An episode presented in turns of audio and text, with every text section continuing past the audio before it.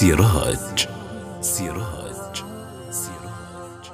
في سبيل الوصول إلى حياة أكثر معنى والابتعاد عن الحياة المادية الخالصة والانتقال إلى خانة الناس الفاعلة والباذلة تكثر الطرق والوسائل. وأنا هنا بيدي سراج لأسلط الضوء على أحد الطرق الأكثر أهمية للوصول لهذه المعاني السامية والنبيلة. أهلا وحياكم في سراج. معي أنا محمد آل رشيد. وفي سراج راح نسولف عن التطوع وكل ما يتعلق بالمتطوعين من مواضيع وأفكار وجهات. وبسم الله. سراج. سراج. سراج. ليش نتطوع؟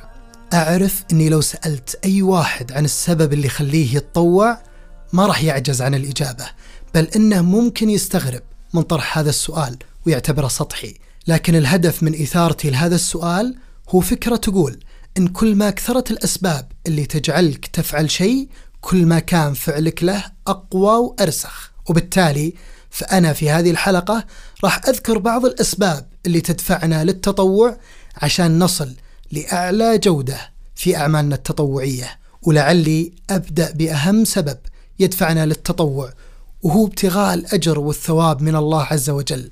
أعرف أن هذا السبب مستحضر عند الجميع وما هو جديد. في الأغلب منا ممكن يشوفه السبب الوحيد لتطوعه. لكن ودي أأكد على نقطة راح تعزز هذا السبب وبالتالي يزداد عملنا التطوعي ويصبح أكثر جودة وهي معرفة ثمرة عملك التطوعي. شيء بسيط صح؟ بس صدقني ترى له أثر كبير. واسمح لي بمثال يشرح هذه الفكرة. عندما تتاح لك فرصة في جمعية من الجمعيات ولنفرض أنها بعنوان إدخال بيانات المستفيدين إلكترونيا فرصة سهلة وعمل بسيط لكن إذا عرفت أنك بإدخالك الإلكتروني هذا تراك سهلت عملية تحديد المحتاجين وبالتالي صارت الإعانات تصلهم بشكل أسرع هنا راح تبذل كل جهدك في إنهاء هذا العمل بأسرع وقت ومحاولة تنظيم وترتيب البيانات بشكل أكبر. وعشان كذا كان من أهم حقوقك كمتطوع معرفة الهدف من الفرصة التطوعية وأيضا حصولك على التغذية الراجعة لعملك التطوعي. ومن أهم الأسباب اللي تدفعنا للتطوع هي مقدمة البودكاست الوصول إلى حياة أكثر معنى والابتعاد عن الحياة المادية الخالصة والانتقال إلى خانة الناس الفاعلة والباذلة. والتطوع يجعل حياتنا مليئة بالحياة لأنه يمثل العطاء في أبهى صورة ويجعلنا أكثر رضا عن أنفسنا لأن التطوع نابع عن رغبة وما هو مرتبط بوظيفة أو واجب معين. وهذا اللي نقصده بجملنا الثلاث اللي جعلناهم افتتاحية لكل حلقة من سراج. طيب بعد ما ذكرنا الأسباب العميقة إن صح التعبير خلونا نتكلم عن أسبابنا البسيطة اللي تجعلنا نتطوع.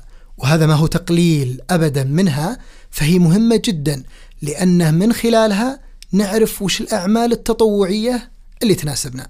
فمن الأسباب اللي تجعلنا نتطوع هو توسيع دائرة علاقاتنا والتعرف على ناس جدد قد نملك معهم نفس الاهتمامات وبالتالي نستفيد منهم لاحقا. وممكن يكون سبب تطوعنا هو أننا نبغى نجرب الكثير من الأعمال حتى نعرف من خلالها وش اهتماماتنا ونستكشف قدراتنا. والواقع يدعم ذلك في الكثير من المتاحف والمنظمات البيئية تعتمد في الغالب على المتطوعين أكثر من الموظفين لتحقيق أهدافها والقيام بمهامها لأن المتطوعين ينضمون معهم لأن هذا المكان يلبي جزء من اهتماماتهم مثل رعاية الحيوان أو الاهتمام بالقطع الأثرية. وقد نتطوع عشان نكسب معرفة جديدة ومهارة جديدة تفيدنا في حياتنا. وممكن نتطوع عشان نجرب أنفسنا في جديتنا وتحملنا للمسؤولية.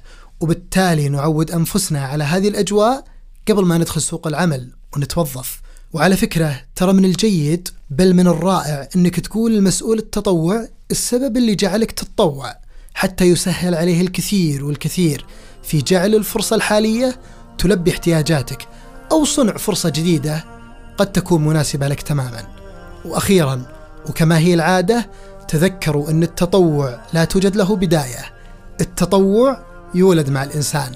ألقاكم في حلقة قادمة بإذن الله من سراج في رعاية الله. سراج. سراج.